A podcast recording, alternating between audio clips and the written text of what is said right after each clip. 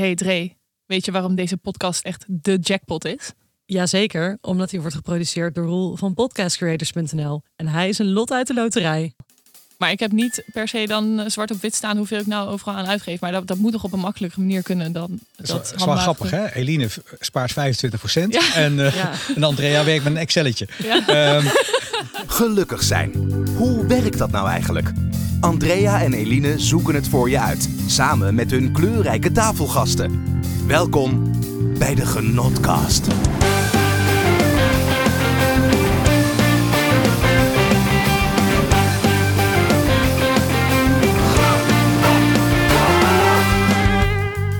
Iedereen houdt van doekoe. Iedereen houdt van geld. Geld maakt niet gelukkig. Maar onze producer Roel wel. Hallo gelukzoeker, welkom bij aflevering 7 van de Genotkast. Het is super slim dat je vandaag weer naar ons luistert. Want deze aflevering zou je zomaar financieel iets op kunnen leveren. Ja, want vandaag gaan we in gesprek met Fons de Beelden. Hij is financieel planner en hij helpt mensen om verstandig met hun geld om te gaan. En ook om hun geld te vermeerderen. Nou, ik denk dat we daar allemaal eh, iets eh, van kunnen leren. Maar ook heel erg belangrijk. Fons heeft heel erg veel verhalen over mensen die eh, best wel veel geld hebben of hebben gewonnen. En hij heeft best wel bij die mensen gezien of ze daar daadwerkelijk gelukkiger van zijn geworden. Ja, ik ben heel, heel benieuwd. We hebben overigens ook nog een nieuwtje voor jou als luisteraar. Ja. Want we zijn sinds kort te vinden op Patch Af, een platform waar je podcast kunt steunen. Ja, en dat is wel echt nodig, want wij kunnen onze producent Roel van Podcast Creators eigenlijk helemaal niet meer betalen. Ehm, maar goed, nog even een ander eh, onderdeel van deze discussie. We zijn als mensen nu gewoon ontzettend gewend dat eh, content gratis is. Maar eigenlijk is content helemaal niet gratis. Want er zijn mensen die daar achter de schermen heel hard aan werken. En eh, ja, dat is met onze podcast ook zo. Ja, en we zouden het daarom wel heel erg waarderen als je even naar www.patje.af slash genotkast gaat en officieel fan wordt van onze show. Dat kan al voor 3 euro per maand. En als je dat even terugrekent, dat is maar 1,50 per aflevering. Nou, jeetje, Eline, dat is toch geen geld voor drie kwartier plezier? Dat eh, is in de kroeg of in de bioscoop eigenlijk niet te evenaren. Nee, nee, goed punt. En dan moet je ook nog met allemaal vieze mensen allemaal in de bioscoop zitten met het Ja, corona. die allemaal corona Ja, geven. Nee, Eline dat- en dat ik geven jou via deze podcast geen corona. Plus dat als je fan wordt van onze show, dat je ook nog eens toegang hebt tot exclusieve content. eh, die andere luisteraars dus niet krijgen. En je mag ook nog eens meedenken over wat er in de aflevering komt. Nou, dat is toch win-win? Ja, dit is echt een win-win situatie. Dus ga snel naar www.petje.af genotkast. Word officieel supporter van onze podcast. En dan gaan wij nog heel veel afleveringen voor jou blijven maken. Ja, nou, na dit mooie betoog is het denk ik tijd om nog even terug te blikken op onze hete aflevering van vorige keer. Die heeft nogal wat losgemaakt, hè? Nou, het is wel grappig dat je dat zegt, want we hebben echt nog nooit zoveel reacties binnengekregen op een aflevering. Ehm, ja, als je een vaste luisteraar bent, dan weet je dat we in de vorige aflevering een eh, seksuoloog in de studio hadden, Anne Simons. En eh, wat ik eigenlijk wel heel erg mooi vind aan alle reacties die we hebben gekregen, is dat heel veel luisteraars zich hebben voorgenomen om echt beter aan te gaan geven bij hun seksuele partner wat ze nodig hebben in bed. En dat ze hun seksuele voorkeuren meer willen gaan accepteren. En eigenlijk ook dat alles bespreekbaar is. Hè? Of dat je, Ja. dat je eigenlijk alles bespreekbaar moet maken met je partner of met je bedpartners. Dat niks een taboe hoeft te zijn. Ja, dus dat je gewoon heel erg eh, open-minded eh, met elkaar in gesprek moet gaan. Ja. Nou, wat eh, misschien nog wel meer los heeft gemaakt, is dat we het best wel lang en expliciet hebben gehad over anale seks. Ja. Ehm, zowel voor mannen als voor vrouwen. Ik merkte in mijn gesprekken met een aantal mensen dat ze nog niet helemaal klaar waren voor deze aanpak. Nee, nee, nee. Maar ook wel een paar mensen die wel, zeg maar, toch net even gingen doorvragen nog. Van oké, maar hoe ja. werkt dat dan precies? En eh, ja, en, eh, En die even de kom maar, kom maar, kom maar mee gingen oefenen. Ja, Ja. Nou goed, eh, ga er alsnog voor. Maak er wat moois van samen. Geniet Ja. lekker van elkaar. En fijn dat we jullie aan denken hebben gezet. Dat vinden we alleen maar mooi. Laten we even naar eh, het onderwerp gaan. Ja, nou ja, het gaat vandaag dus over eh, geld. Misschien heeft onze intro het al een beetje weggegeven, ons mooie liedje. Eh, maakt geld gelukkig? Daar gaan we het vandaag over hebben. Ik ben heel benieuwd. Wat denk jij, Dre? Denk je dat geld gelukkig maakt? Ehm, misschien dat het gelukkig maakt als je het uitgeeft aan de juiste dingen. En ik denk wel dat er nog een verschil is tussen genot wat je van geld kan krijgen en het geluk dat je van geld kan krijgen. Ja. Ja, ik ben heel benieuwd hoe Fons naar die relatie kijkt ook. Ja, absoluut. Eh, maar ja, als we het nou toch over genot hebben, hoe was jouw week? Oeh, mijn week was heerlijk. Genotsmoment van de week. Ja, mijn genotsmoment van deze aflevering heeft te maken met eten. Ehm, heel simpel, maar wel heel lekker. Ik hoop het. Ja, vorige week heb ik weer een van mijn favoriete gerechten gemaakt. En dat is een gerecht van mijn favoriete chef Jotam Ottolenghi. En eh, dat was met burrata. Dat is super lekkere, nou ja, mozzarella, maar dan nog tien keer lekkerder. Veel Burrata romiger. is super, super lekker. Ja. Ja, als je het nog nooit, nog nooit hebt gegeten, nou zeker gaan halen bij de Italiaanse supermarkt of nou ja, bij de gewone supermarkt kan ook. Jumbo heeft ook lekkere burrata. Ja. Heerlijk. En eh, waarom die nou zo speciaal is, er zit ook lavendelolie in. Dus zelf, eh, zelfgemaakte lavendelolie, sinaasappel en grapefruit. En dan nog een beetje basilicum eroverheen, korianderzaadjes. Nou, echt fantastisch hoe die smaken dan zo bij elkaar komen. Maar ik heb dat, dus, dat gerechtje gemaakt voor eh, Andrea onder andere. En ik vond dat dan weer zo lekker dat je zo kan genieten van eten met, met gezelschap om je heen. Ja, en ik weet je eh, waarom dit wel relevant is. Eh, ten tijde van deze opname ehm, is net weer bekend geworden dat eh, alle restaurants weer dicht gaan. Ja. En ehm, nou, we hebben toevallig vorige week op onze Instagram ook al een tip ge- geplaatst over hoe je om kan gaan met eh, de verandering in je leven. Ehm, maar denk dat het nu ook super belangrijk is dat je dingen blijft doen waar je naar uit kan kijken. En ehm, het is heel erg makkelijk om te gaan focussen op het feit dat we bijvoorbeeld nu niet uit eten kunnen. Je kan je ook focussen op het feit dat je dus wel op afstand een aantal mensen thuis kan uitnodigen. En samen ook chic kan koken, lekker een flesje wijn kan openen. Of En- vijf. Of eh, daar gaan we niet meer over hebben. Oei, oei, oei, ik had echt hoofdpijn de dag erna.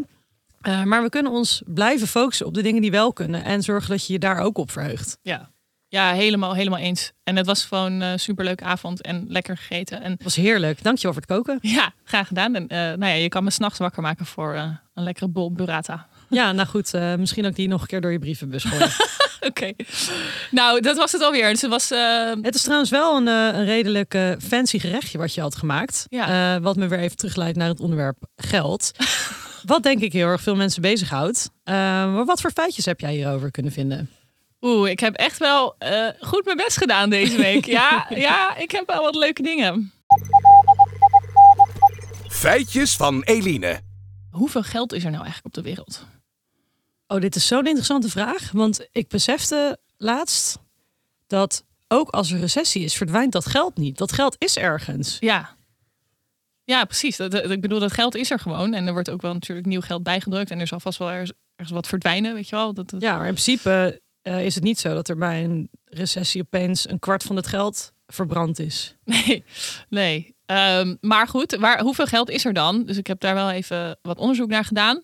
Als je kijkt puur naar cash en wat er op bankrekening staat, dan hebben we het over 37 biljoen. Dat is dus eh 12 nullen. Holy shit. Dus dat is best wel veel. Eh, maar als je daar ook nog aandelen en goud en cryptocurrencies bij pakt, dan kom je echt op 1,2 kwadriljoen. Nou ja, ik moest even opzoeken wat dat precies was, maar dat is dus met 15 nullen. Wat vermoeiend om naar te kijken. Ja, dus dat is best wel veel geld. En wat ik dus interessant vond om ook te lezen, is dat als je kijkt naar echt de allerrijkste mensen van deze aarde, eh, dus bijvoorbeeld de voor, die in de Forbes staan, ehm, dan zie je dus dat er ongeveer 2300 mil- miljardairs waren op de wereld ehm, aan het begin van dit jaar. Ehm, en om preciezer te zijn, op 6 maart van dit jaar waren er eh, rond de 2300 miljardairs op de wereld. Maar door corona eh, twaalf dagen later waren dat er ineens gewoon 200 minder. Dus door die impact van corona, zeker in die eerste weken, dat het echt helemaal, eh, ja. Paniekmodus. Ja, precies. Waren er gewoon mensen, miljardairs, die ineens geen miljardair meer waren. Maar ja, daarmee nog steeds waarschijnlijk eh, een zeer ruime miljonair. Dus Precies. Ja, hè? ik denk ook niet dat we per se heel erg veel medelijden met die mensen hoeven te hebben. Nee. Maar ik vond het toch wel interessant om eh, nou, te dat, lezen. zo hard kan het dus gaan. Dat is Ja. inderdaad wel, Ja. eh, wel een goede. Ja. Ja. Ja, ehm, wat ik ook wel interessant vind is om even te kijken naar eh, de pinpas. Want ja, we kunnen niet meer zonder. Ik bedoel, dat is, dat is onderdeel van, van je leven. Nou ja, misschien jij doet nu met dat Apple Pay en zo. Dat is allemaal veel te fancy voor mij. Dat heb ik allemaal niet. Je hebt ook ik geen heb Apple. gewoon- nee, ik heb, nee, precies. Maar ik heb gewoon nog een pinpas waarmee je dus kan betalen. Ik gebruik ook gewoon een pinpas. Maar die eh, bestaat eigenlijk nog niet zo heel lang. De eerste pinpas die ehm, komt uit Amerika en dat was in 1966, dus dat is best wel een tijdje geleden. Eh, maar dat is toen niet echt heel groot geworden.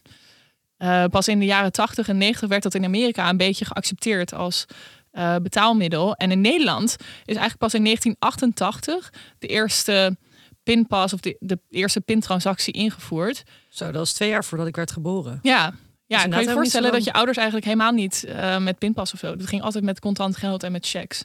Ja, ik heb nu eigenlijk nooit meer contant geld bij me. En dan voel ik me altijd een beetje lullig als mensen staan te collecteren en zo. Want dan Ja, kan je oprecht niks geven. Het is soms ook wel makkelijk als je een beetje van mensen ehm, wil verwijderen, om het netjes te zeggen.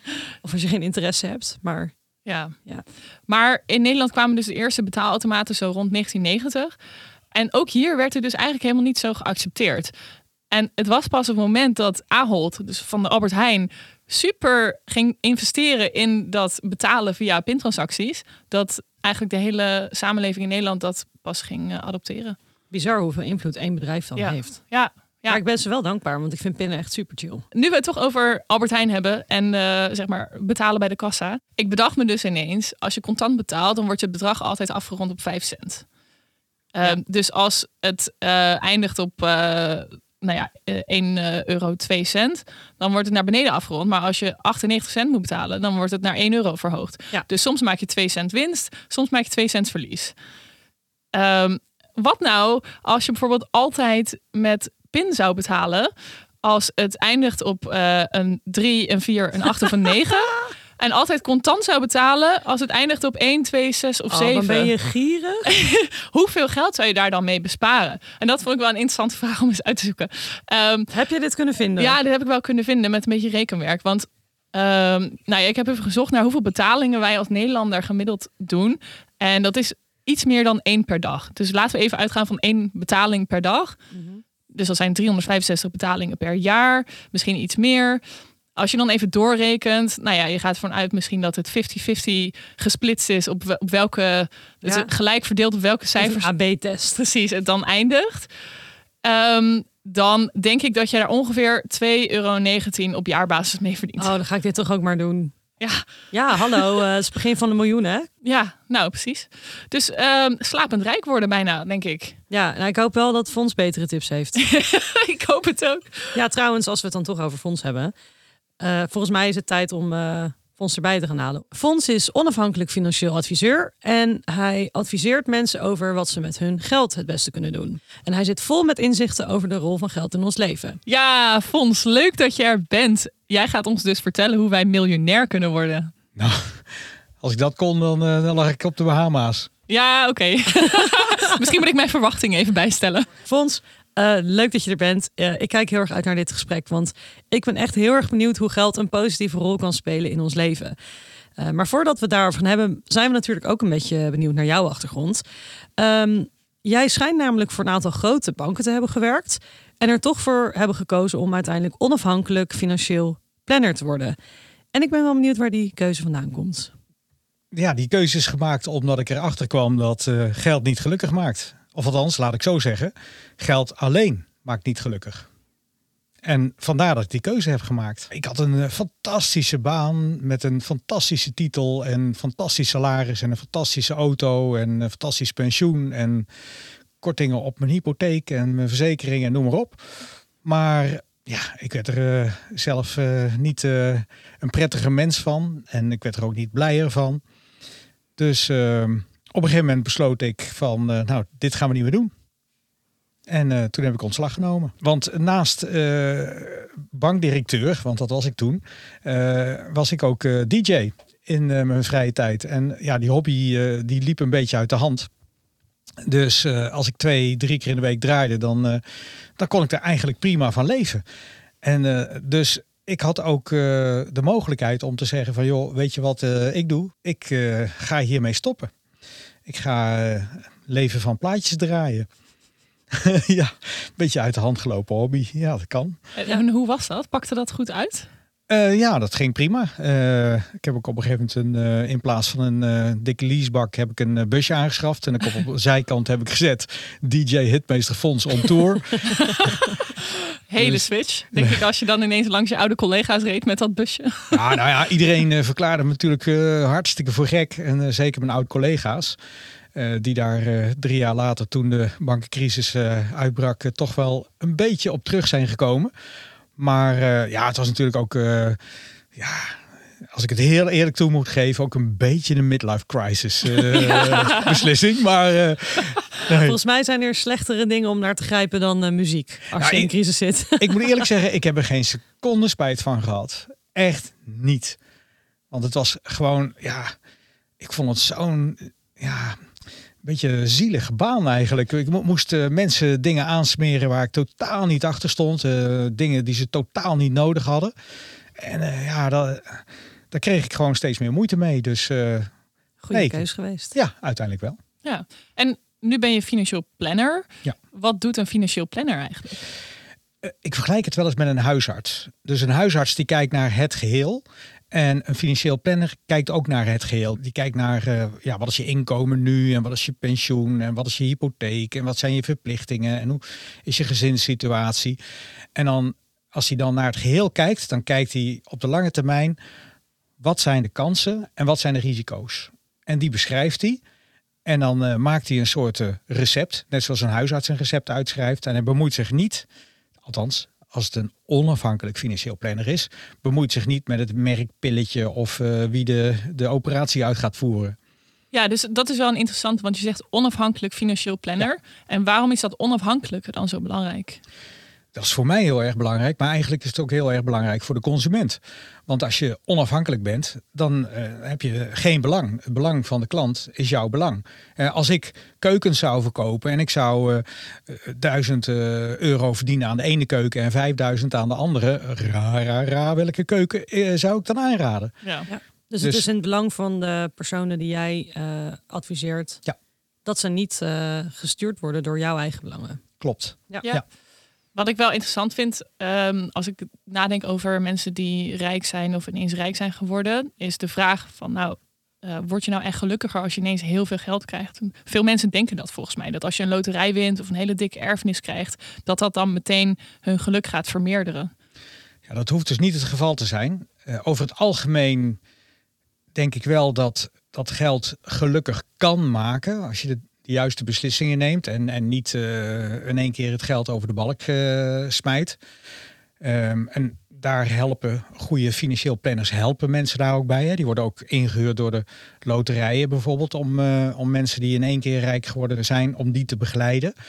Maar eh, ja, ik ken voorbeelden van mensen die heel blij geworden zijn. Maar ik ken ook mensen die heel ongelukkig geworden zijn. Ja. En welke factoren spelen daar dan vaak in mee?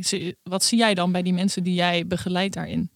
Nou, eh, de mensen die eh, in één keer een beslissing nemen van eh, dit ga ik doen, want daar word ik heel blij van. Ehm, en daar steek ik al mijn geld in. En dat kan heel erg misgaan. Ik zal een voorbeeld geven. hè. Er was een man die, die, die heeft een, even kijken, een paar miljoen gewonnen in een loterij. Zo.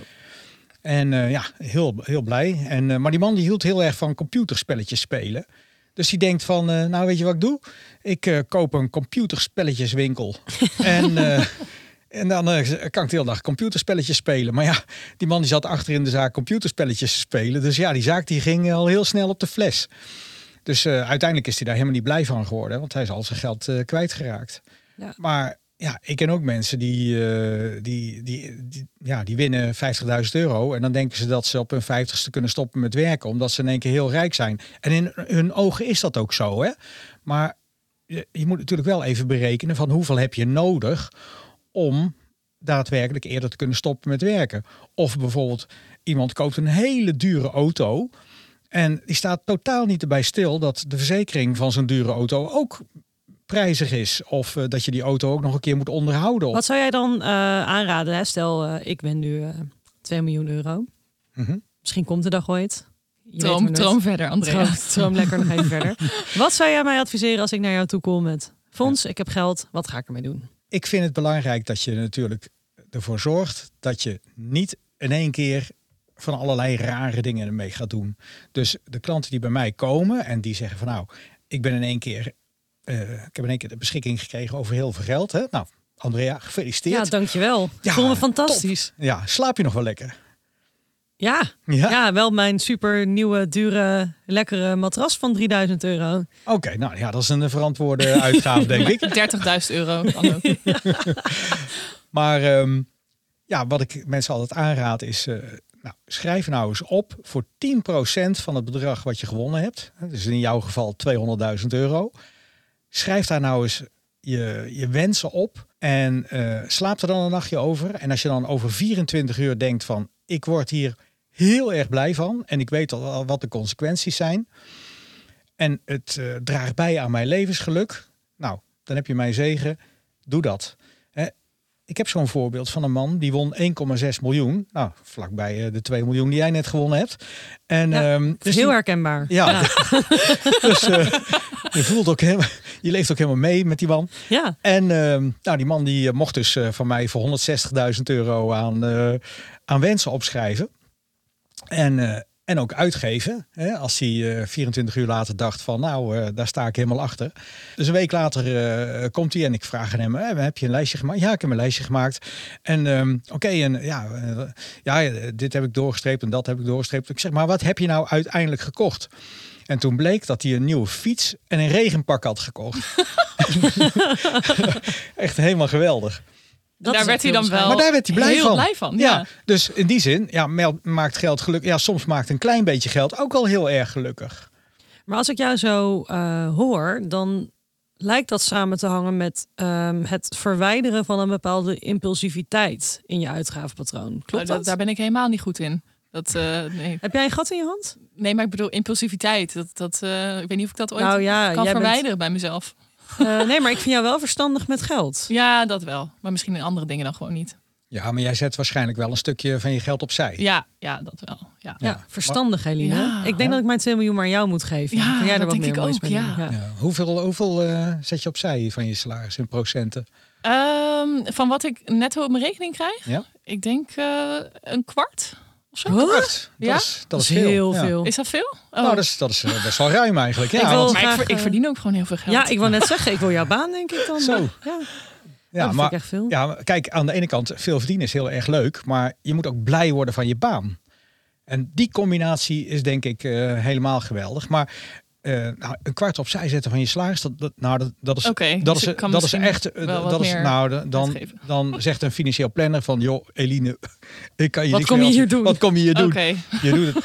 Kijk, maar ik vind 10% van je salaris opzij zetten, dan doe je het al goed. Hè? En, um, en, en, en natuurlijk het voordeel is, jullie zijn jong, dus alles wat je doet op lange termijn heeft heel veel resultaat. Uh, maar als ik het dan even terugleid naar de vraag, uh, dan, dan gaat het over verstandig omgaan met je geld. Geeft dat dan meer rust? Maakt dat dan gelukkiger? Dat denk ik wel. Als je, kijk, een klein beetje impulsiviteit is nooit verkeerd. Hè? Af en toe dan wil je jezelf ook een beetje trakteren. Uh, ga eens uit eten of je koopt die uh, mooie jas. Of, uh, ja, we werken ook hard genoeg. We tuurlijk, hè? precies. Dus, um, maar um, kijk, je hebt impulsiviteit en impulsiviteit. Je, je gaat niet zomaar even uh, de showroom in en uh, je koopt een, uh, een dure auto of zo. Nee. In één keer uit. omdat je denkt van nou, ach, ik heb zin in een rode auto, dus ik koop een rode auto. Ja. In de midlife crisis bijvoorbeeld. Nou ja, bijvoorbeeld. um, als ik dan even het andere uiterste pak hè, van heel erg um, ja, impulsief omgaan met je geld is denk ik mensen die heel erg inhalig zijn of heel erg gierig. Ja. Wat is jouw ervaring met dit soort mensen? Ja, nou, um, allereerst uh, is mijn ervaring dat ik, uh, dat ik het nooit goed kan doen als financieel planner. He, dus uh, ze hebben altijd commentaar en moeite. ze doen moeite of met je het betalen van uit de rekening. Kan knijpen, ja. Maar, ja. ja. het is natuurlijk ook zo. Kijk, een financieel planner kost ook geld. Hè, en, en dat is best wel een investering. Maar heel veel mensen die, die denken ook, die weten ook van nou, als ik dat nu doe, op de lange termijn verdien ik dat altijd wel weer terug. En uh, is het niet in, in, in, in geld, dan is het wel in nachtrust of, uh, of anderszins. Maar uh, ja. Ja. ja, maar toch denk ik wel van oké, je moet natuurlijk wel enigszins een bepaald inkomen hebben om ook een financieel planner te kunnen betalen. Dus is dat dan niet een beetje krom? Als je al heel arm bent of je hebt financiële problemen, dan kun je waarschijnlijk niet een fonds de beelden betalen die even gaat vertellen wat je moet doen. Nee, Terwijl dat wel de mensen zijn die het misschien het meest hard nodig hebben. Ja, dat klopt. Nou, het is ook niet zo dat ik, uh, als iemand bij mij komt en die zegt van, joh, uh, ik, ik, heb uh, niet, niet zoveel te makken, maar ik heb wel een financieel probleem, dat ik dan het volle pond reken. Ik bedoel, soms reken ik ook helemaal niks. En ja, dan moet, je, dan moet je soms ook een beetje ruimhartig mee omgaan. En, en bovendien, dan word ik ook weer betaald in, in blijheid. Hè? Eh, Ja. Of eh, ik heb wel eens een keer gehad dat ik iemand een goed financieel advies gaf. En die, die, die had het niet breed. En dan eh, kreeg ik in één keer een bos bloemen van de markt. Ja. Ja, geweldig toch? Ja. Daar word ik heel blij van. Ja. Dat geeft misschien wel een beter gevoel dan eh, een aantal mannen met zo ontzettend Ja. veel geld op de rekening die jou een beetje voor lief nemen. Ja. Misschien. Zeker weten. Ja. Ja. Ja. Maar die, die verdeling tussen arm en rijk, hoe, hoe kijk jij daarnaar in het algemeen? Want hoe kan je nou, eh, weet je, als, als ik gewoon even naar de maatschappij kijk, hè, ehm, als je wordt geboren in een gezin ehm, waar al geld is eh, en waar je al meekrijgt om te werken voor je succes, eh, waar je de middelen krijgt om te gaan studeren, dan is de kans natuurlijk gewoon al groter dat je zelf ook vermogend eh, over de eindstreep komt aan het einde van je leven. ja, dat klopt. Ja. Hoe kan je nou, als je niet die achtergrond hebt, toch ook verstandig om het te gaan met geld? Of uiteindelijk toch meer weer daarvan maken? Ik heb, ik heb laatst een programma gezien. Eh, hoe heet dat ook weer? Eh, je had een, een rijk gezin en een arm gezin. En die wisselen dan van... Is dat jouw vrouw, mijn vrouw of zo? Nee, nee, nee. nee. Of weer iets Eh, anders? Dat ze wisselen van huis of Jouw zo? thuis, mijn thuis. Ja. Ar- arm, Sorry, arm en rijk RTL. of zo. Oké. Eh, niet zoveel te makkelijk. Ik weet niet meer precies hoe het heette. Maar in ieder geval, eh, het ging over kerstmis. En eh, die kinderen van dat arme gezin, die kregen allemaal ja, eh, eh, spelletjes van, ja, van een paar euro. En eh, die hadden heel veel spelletjes hadden ze onder de cadeautjes hadden ze onder de, onder de kerstboom gelegd. En die kinderen hadden een kerstpakje aangekregen van Action voor een paar euro. En, ehm, en die waren zo ongelooflijk blij. En aan het andere eind van het spectrum zag je kinderen. Die kregen dan een heel mooi duur cadeau. En dat lag dan ook onder de kerstboom. En ja, dat werd dan achterloos in een hoek geflikkerd. Omdat die kinderen die werden gewoon elke dag al... eh, eh, die hoefden maar met de vingers te knippen. Of eh, papa die trok zijn eh goldcard en, en het werd aangeschaft. Dus ja, in die zin maakt geld gelukkig. Nou, toen dacht ik van geld maakt eigenlijk niet gelukkig, maar het is ook de manier waarop je ermee omgaat. En dat, dat, dat gezin wat niet veel te besteden had, ja, die waren zoveel gelukkiger op, die, op dat moment dan, eh, dan die hele rijke mensen. Dat Maar- zet me even aan het denken. Speelt opvoeding dan bijvoorbeeld ook een rol Absoluut. daarin? Ja, zeker weten. Ja, ja het is zo dat. ehm, dus heel veel mensen die, eh, die zeggen van. eh, nou, ik wil eh, bijdragen aan de studie van mijn kinderen. En eh, dus die kinderen die krijgen gewoon eh, elke maand. eh, weet ik veel hoeveel op hun rekening eh, gestort. En ja, ik zeg altijd tegen die mensen. Wat je beter kan doen is. Want eh, omgaan met geld is ook een stuk van je opvoeding. Laat die kinderen gewoon en een beetje werken en een beetje lenen. En dan op het moment dat ze de studie met goed gevolg afgelegd hebben, dan zeg je van, joh, eh, ik betaal eh, zoveel af van jouw studieschuld. Alleen eh, dat, dat wordt dan niet verteld aan die kinderen. Hè? Dus dat horen ze pas eh, Oh. na, na dat ze de studie hebben afgerond. Maar dat geeft die ouders en dat geeft die ouders rust. En dan kunnen ze tegen die kinderen zeggen: joh, weet je, eh, we hebben een, we hebben een beloning aan het eind van de rit, maar daar gaan we het nou niet over hebben. Ga jij maar eens eerst die studie afmaken. Maar als je zegt opvoeding speelt een rol, als ik dat even zelf herleid naar mijn eigen opvoeding. Weet je, eh, mijn vader heeft altijd een, eh, een goede baan gehad, maar wat ik heel erg waardeerde, toen minder dan nu, zeg ik eerlijk. Ik zat op school eh, in Beeldhoven. Beeldhoven is een hele vermogende gemeenschap. Ehm, ik heb wel altijd vanaf mijn veertiende een baantje gehad. Een krantenwijk, bij de Albert Heijn gewerkt, in de horeca gewerkt. Omdat ik wel, weet je, ik kreeg kleedgeld en dat soort dingen, maar het was nooit te gek. Dus ik had wel een drive om zelf meer geld te gaan verdienen om dingen te doen die ik leuk vond. Ik had best wel veel mensen om me heen, eh, scholieren om me heen, die alles kregen wat ze wilden. Wat is daar dan het effect van? Het is grappig dat je dat zegt, want ik heb ongeveer diezelfde ervaring. Eh, althans, mijn ouders hadden het niet heel erg breed, maar die zeiden wel van toen ik 16 werd: van joh, als jij een brommer wil, prima, ga er maar voor sparen. Wij betalen de helm, de helm en, eh, en de verzekering. Hè, want we hebben geen zin dat je met een, met een gat in je kop komt en eh, dat de andere mensen ons aansprakelijk stellen. Heel slim. Maar eh, jij betaalt zelfs die brommer. En ik moet zeggen, ik was zuiniger op die brommer die ik eh, met eh, veel schrapen en uh, krantenwijken en aardbeien plukken bij elkaar had verdiend. Dan mijn buurjongen die een gloednieuwe Yamaha kreeg van 1600 gulden destijds.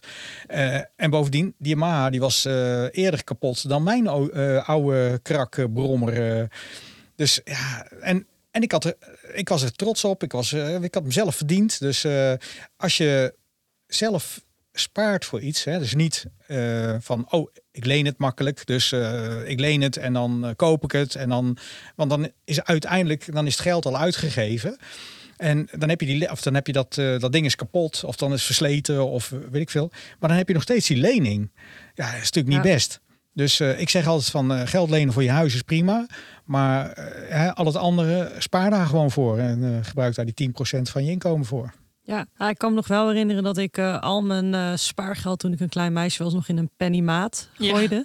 Oh ja. Elke euro die ik aan heitje voor kwijtje bij elkaar haalde. En de eerste keer dat ik een stereotoren voor mezelf kocht. Weet je, zo'n Ik denk dat je even moet uitleggen wat het is. Want... Ja, het, sommige luisteraars die, weten waarschijnlijk niet eens meer wat een stereotoren is. Maar dat is echt zo'n... Ik had een driedubbele cd-wisselaar. Dat was helemaal de shit. Dan kon je namelijk wel drie cd's in je cd-lader laten zitten en die kon je dan wisselen. Uh, het zat een AUX-aansluiting in. Dat was helemaal het nieuwste van het nieuwste. Radio, nou, de wereld lag aan mijn voeten. Zoals jullie wel begrijpen.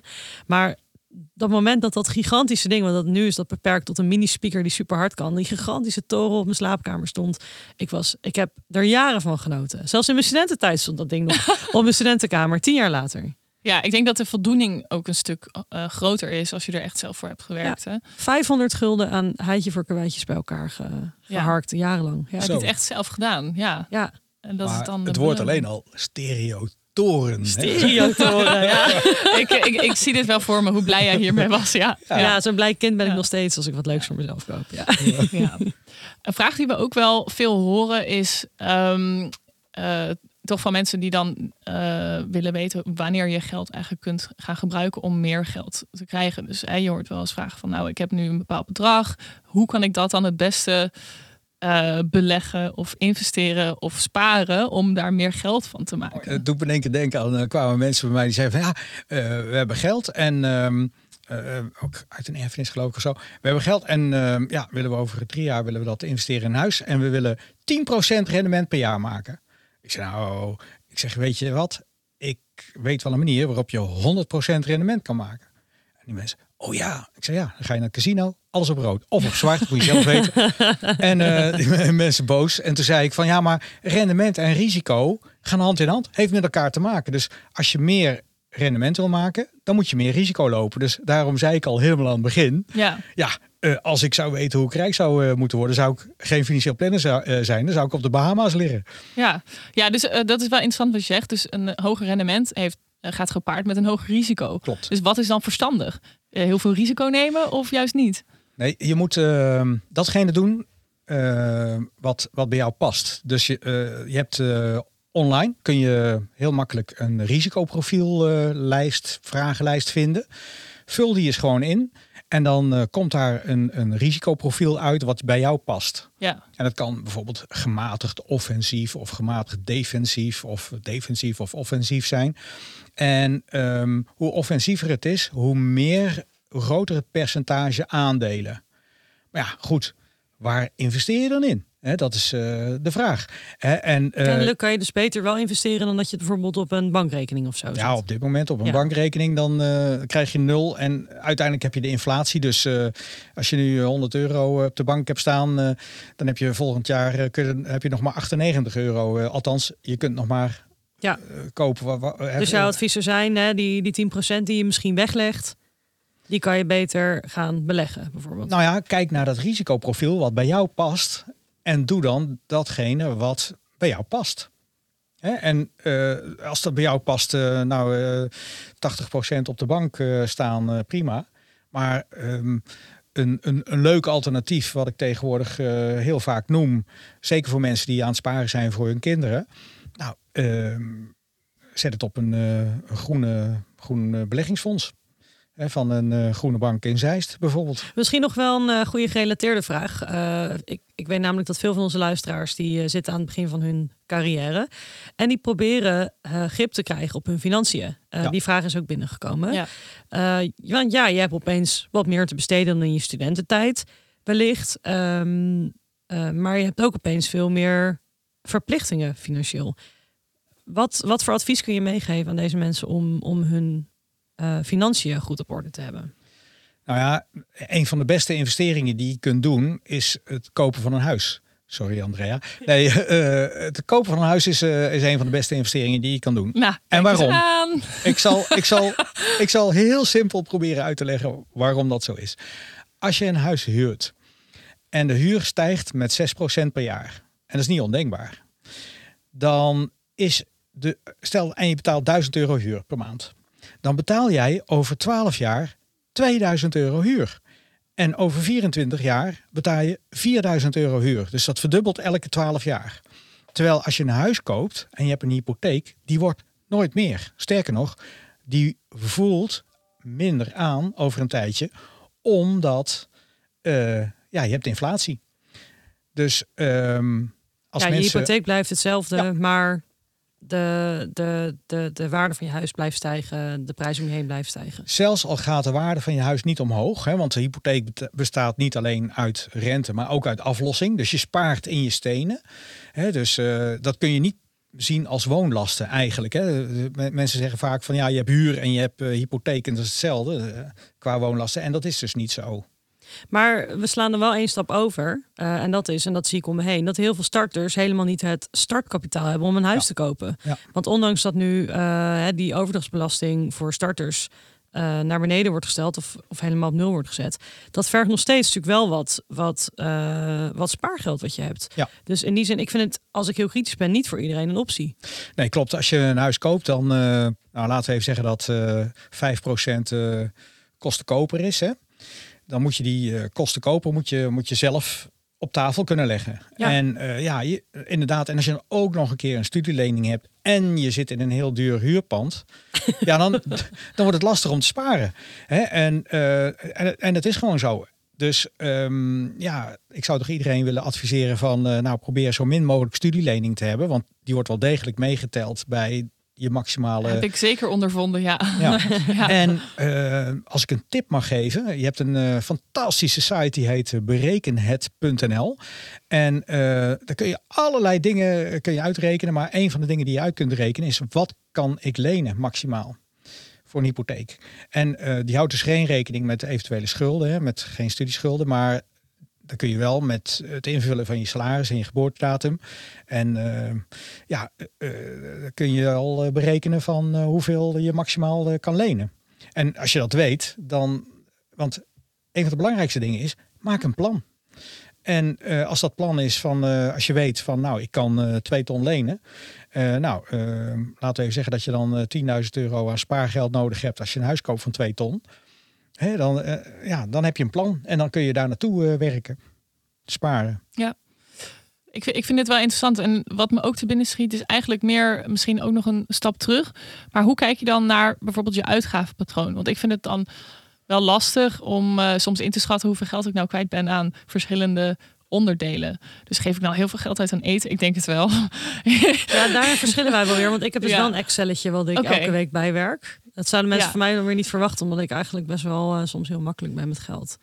Ja, maar ik hou dat nou, dus het wel zit een beetje in mijn hoofd of zo. Maar ik heb niet per se dan uh, zwart op wit staan hoeveel ik nou overal aan uitgeef. Maar dat, dat moet toch op een makkelijke manier kunnen dan. Dat, dat is wel grappig, hè? Eline spaart 25 procent ja. en, uh, ja. en Andrea werkt met een Excelletje. Ja. Um, uh, financieel planners uh, werken ook heel erg met Excelletjes hoor. Maar dan uh, in planningsprogramma's dan Excel-based, zeg maar. Maar het is wel goed hoor, Drain, als je dat doet. Ja, vind ja maar het is een goed. beetje zelfbescherming. Laat ik daar maar ja. heel eerlijk nou, over zijn. Wat je, wat je tegenwoordig ook hebt, is je hebt heel veel uh, internetbankier apps.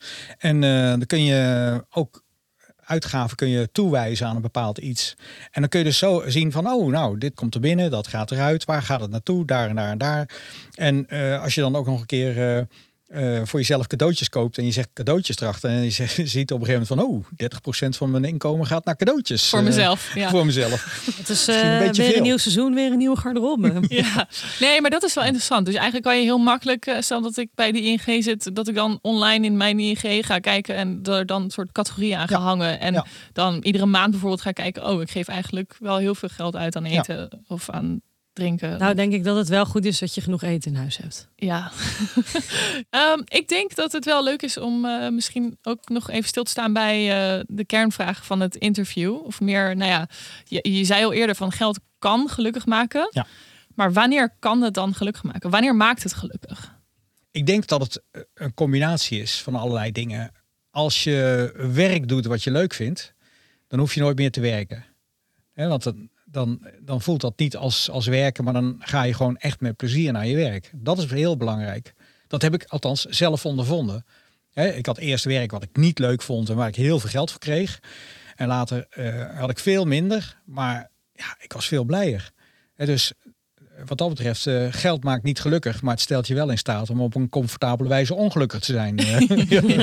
Als je de verkeerde baan hebt. ja. Ja. Dus ehm, en als je kijkt naar die mensen die plotseling rijk geworden zijn en eh, die laten zich goed begeleiden of eh, die luisteren naar tips die je geeft en eh, die schrijven hun verlangens op en hun wensen en die gaan er op een goede manier mee, om en die geven het niet in één keer uit. Ja, die kunnen daar echt op, op de langere termijn heel erg gelukkig van worden.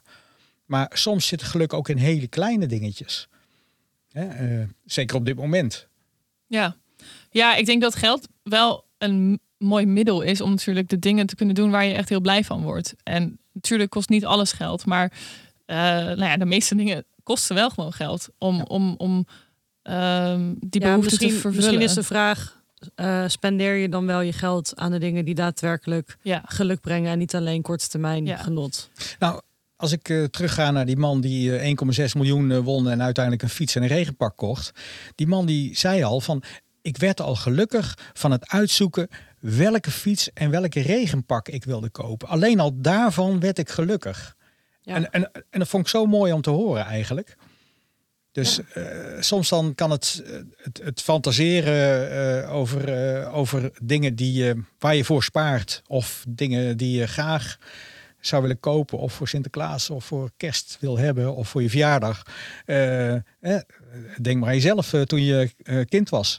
Hè? En eh, dan had je een verlanglijstje. En, eh, Ja, ik Ja. pakte dan het eh Intertoys boek en dan Ja, mocht ik, ja. ging ik cirkels zetten, wat ik wel, eh, Ja. wat Ja. misschien wel leuk vond. Maar misschien zelfs één, twee of drie erbij schrijven. Ja. Van dit wil ik het allerliefste. maar dat was al een groot deel van het plezier, toch? Wat je daaruit haalde.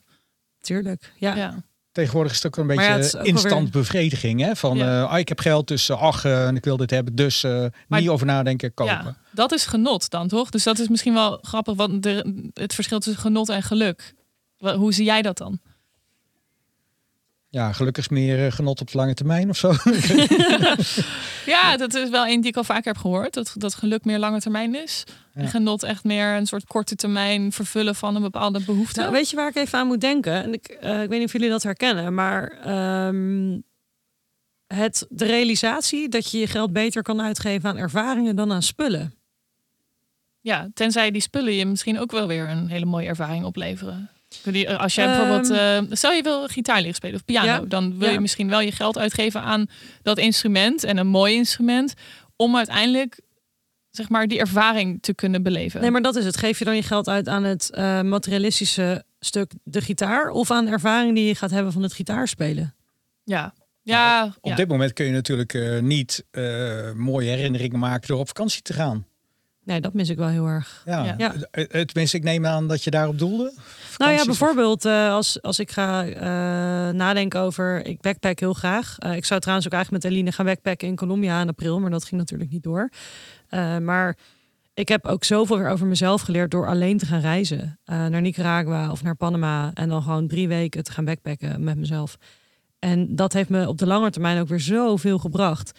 En ja, wat heb ik daaraan uitgegeven? Een ticket. Ja, die levenslessen, daar heb ik denk ik meer aan dan... dan ja, iets materialistisch. ja. Ja, want hoe arm je ook wordt, die herinneringen nemen, nooit- nemen ze nooit meer van je af. Precies. Ja. ja. Dat is zeker zo. Ja, alleen op dit moment is het natuurlijk heel erg lastig. Want je kunt niet, je kunt niet reizen, je mag niet reizen. Je mag na acht uur geen wijn meer kopen. Nee, nee dat is wel. eh, ja. niet uit eten. ja, precies. Maar betekent dat dan ook dat je eigenlijk rijk kunt zijn aan ervaringen, terwijl je eigenlijk arm bent in geld? Dat vind ik een hele mooie. Ja, Ja, wat is rijkdom? Ja. Ja. ja. vind jij jezelf rijk, Fons? ja, ja, ja. Ik ben heel rijk. Ik ben rijk in mijn relatie. Ja. Eh, we wonen leuk. eh, ja, we kunnen doen eh, wat we willen. Alleen, ja, we kunnen op dit moment niet, eh, niet, niet reizen. Ehm, ik, ik vind mijn werk ontzettend leuk. Eh, ehm, zelfs al zou ik morgen de staatsloterij winnen, zou ik niet stoppen met werken.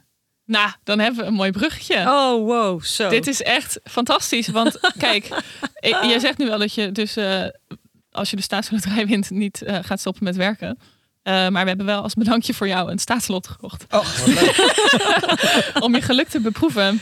nou, jongen, geweldig. We hoopten alleen wel dat we een eh, disclaimer konden inbouwen. Dat stel dat er wel veel geld op valt. Ehm nou, is misschien jouw definitie van veel geld iets meer dan die van ons. Maar laten we zeggen meer dan 100. 100 euro. Ja. Dat, dat je dan 50% afdraagt. de 50 procent. Zo. 50 procent. Oké, 40 is ook goed. nee, maar Fons, eh, bedankt dat je hier vandaag wilde zijn. eh, en dat je ons allerlei goede adviezen hebt gegeven over de rol van geld in ons eh, leven. En eh, we hopen ja, dat je eh, wel geld wint met het staatslot. Dankjewel. En over winnen gesproken. Oh ja, ik weet hem. Ja, we gaan weer een winactie doen. Ja, eh, dit is zo leuk. We doen bijna elke, elke aflevering wel een winactie. Maar Fons, volgens mij heb jij aangeboden Klopt. om eh, iets te laten verloten onze, onder onze luisteraars. Ja. Ehm, hierbij eh, bied ik aan om de winnaar een kort financieel plan te geven. Dus een financieel advies. En ja, dat kan van alles zijn. Hè. Mensen kunnen eh, zitten met een, eh, met een echt een eh, enorme levensvraag. Of eh, die zeggen van nou, eh, eh, ik woon nu hier en eh, mijn vriendje woont daar. En we willen bij elkaar kruipen. Waar moeten we op letten? ja, dat, ja, dat kan ook eh, belangrijk zijn. Ik heb een huur van 1000 euro. Is dat handig? Dat Bijvoorbeeld. kan allemaal. Nee, Ja. ik vind dit wel tof, want het is heel praktisch. En in plaats van dat we dus weer iets materialistisch gaan weggeven, gaan we Ja. dus echt een ervaring weggeven. Ja, nu gaan we iemand op de lange termijn ontzettend eh, succesvol maken met precies. geld. Dat is eigenlijk wel heel sympathiek van ons. Ja, wat moet je Ehm, daar dan voor doen? En dan Ja. wil ik natuurlijk 50% van, van dat vermogen wat daarmee Oh ja. Inderdaad, wat moet je daarvoor doen? Eh, volg de Genotkast op Instagram, het Genotkast. En laat eh, in de comment over eh, deze winactie achter waarom jij graag deze prijs wil winnen. En dan gaan we echt degene met het beste verhaal dit advies weggeven. We gaan niet random doen, we gaan echt het aan iemand geven die er het meeste uit kan halen. Nou, vind ik een fantastisch voorstel. Ja, wij gaan stiekem nog heel even door op eh petje.af slash genotkast met wat eh, tips van Fonds over beleggen. Dus ja, die paar euro per maand die je aan ons gaat doneren, die verdien je gelijk al terug.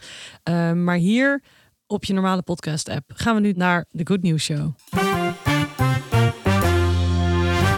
The Good News Show. Ja, Eline, ik heb uiteraard weer twee hele positieve nieuwtjes voor jou eh, voorbereid. Want we moeten vaker delen welke mooie dingen er gebeuren op de wereld. Zoals uit onderzoek blijkt dat de hartslag van je hond omhoog gaat als je ik hou van je tegen hem zegt. Volgens mij gaat die hartslag omhoog als je ook maar iets tegen een hond zegt. Daar kom ik dus nu op terug. Oké. Kijk, leuk dat je het vraagt. Leuk dat je het vraagt. Kijk, we weten al een tijdje hoe fijn wij het zelf vinden om huisdieren te hebben. Maar wij kunnen ons niet altijd verplaatsen in de psychologie van onze huisdieren zelf. Eh, hè, dus wat er in het, in het hoofd van je huisdier omgaat, is een beetje een raadsel. En er is een bedrijf dat heet eh, Canina Cottages. En die heeft onderzoek gedaan naar de hartslag van honden als reactie op menselijk gedrag. Bijvoorbeeld, als je je hond eens vertelt dat je van hem of haar houdt, dan stijgt de hartslag gemiddeld met 46 Daartegenover staat als vergelijking dat als ze je voor het eerst zien of aankijken, dat hun hartslag stijgt met maar 10%. En ook wel schattig, als je met ze knuffelt op de bank en tv kijkt, dan daalt de hartslag met 22%. Hm, interessant. Dus, misschien eh, zou dit dan een beetje hetzelfde zijn bij mensen. Zou dit zeg maar hetzelfde gedrag of hetzelfde... Nou, zij voelen dus kennelijk wel iets aan. Ehm, aan wat jij tegen ze zegt. Dus misschien interpreteren ze ik hou van je toch wel anders dan als je iets anders tegen ze zegt. Ja, ik denk misschien eerder dat als je dan ik hou van je tegen een hond zegt, dat er dan altijd een koekje of zo achteraan komt. En dat ze dan misschien wel Nee, denken, oh, dit van, vind ik heel koekje. pessimistisch. Ja, jij hebt Ja, maar zo werkt dat toch bij honden? Dat Ja, is toch allemaal... eh, Eline, wij willen gewoon het gevoel hebben dat honden ons begrijpen. En dat honden de, de liefde die we voor ze hebben maar voelen. honden spreken toch niet onze taal, Andrea? Ja, maar ze voelen heel sterk. Honden zijn heel intuïtief. Oké. Nou, eh, ik had trouwens nog wel side note voorbereid dat dit onderzoek niet het meest wetenschappelijke onderzoek eh, is wat er ooit is uitgevoerd. je al. Maar het geeft al. wel gewoon een goed gevoel over hè, de, de- dat de liefdevolle woorden die je voor je honden hebt aankomen. Ja, ja. Ehm, ik blijf in de hondensferen, want eh, in Zuid-Afrika zijn er twee Franse bulldogs die regelmatig een miniatuurpaardje uitlaten. Die laten een miniatuurpaardje uit. ja, dit is eh, Met z'n tweeën. met z'n tweeën. Ja. En dan houden ze die riem vast of zo. Nou, dat ga ik nu aan je uitleggen. Ehm, het gaat om het negenjarige miniatuurpaardje Bon Jovi. En het is een beetje zielig. Dat paardje werd vroeger mishandeld. En die is door eh, Jessica Chemin vier jaar geleden eh, gered. Dat paardje woont nu samen met die twee Franse bulldogs in Kaapstad. En eh, die dieren die zijn gewoon dikke maatjes met elkaar geworden. En die spelen heel graag samen buiten. Nou, op een dag moest dat paardje van de tuin naar de stal. Ehm, en die honden dachten, nou, wij lopen gewoon even vooruit. En toen ging dat paardje dus achter die honden aanlopen. En toen dacht het paardje, nou, wat fuck. Weet je, zij laten min of meer mijn paard uit. Toen hebben ze dus eh, als test een keer de, de, het halstertouw van die pony vastgemaakt aan de halsbanden van die hond. En toen bleek dat die pony gewoon achter die honden aan wandelt. Dus sindsdien eh laat ze af en toe de honden het paard uitlaten. Dit is wel, denk ik, top voor luie mensen die wel huisdieren willen, maar geen zin hebben om ze uit te laten. Ja, misschien moet je geen honden en een paard nemen als je niet echt je huisdieren wil verzorgen. Maar inderdaad, dit zijn redelijk zelfvoorzienende eh, eh, dieren. Eh, er is uiteraard een filmpje van dit ontzettend mooie nieuws. Oh, dit wil ik wel zien, ja. Ja, nou ja, ik heb het in onze nieuwsbrief gezet. Dus denk je, hey, ik wil in de toekomst dit soort leuke filmpjes. Gewoon, zonder het vragen. Hè? Het komt gewoon naar je toe, in je mail. Je hoeft er niks voor te doen, alleen maar te klikken, achterover te zitten en te genieten. Schrijf je even in voor de nieuwsbrief via www.genotkast.nl. Nou, ik heb weer veel geleerd van deze aflevering. Ja, ik denk dat wij over vijf jaar helemaal binnenlopen met al deze adviezen. Ja, maar het is bizar eigenlijk dat ik steeds bij elke aflevering, dat jij vast ook wel, maar dat ik echt denk, oh, ik heb weer iets nieuws geleerd. En Ja. nou ja, als je straks 100 afleveringen maakt, ja, hoeveel weten we dan wel niet over allemaal verschillende onderwerpen? Nou, dan wil ik wel even vooruitblikken naar de volgende aflevering. Want hopelijk gaan we daar ons liefdesleven mee op orde krijgen. Ja, want wij hebben namelijk Daan de Ram te gast, volgende aflevering. En hij is datingcoach, maar ook flirt-expert. Dus hij gaat ons helpen, denk ik, met hoe we beter kunnen flirten. Nou, niet helemaal, want hij is dat voor mannen. Oh. Maar tegelijkertijd, dat biedt ons wel wat inzichten in het brein van de man. Dus daar kunnen we misschien ook wel wat mee. Dat is ook interessant, om eindelijk eens te begrijpen wat er in dat hoofd van die man omspeelt. Ja, ik kan me echt voorstellen dat mannen en vrouwen compleet anders flirten en ook compleet andere vraagstukken hebben. Dus eh, ik ben super benieuwd. Ja, ik kijk uit naar de volgende aflevering. Zo, en dan ga ik nou maar eens even 100 euro bij Binkbank onderbrengen.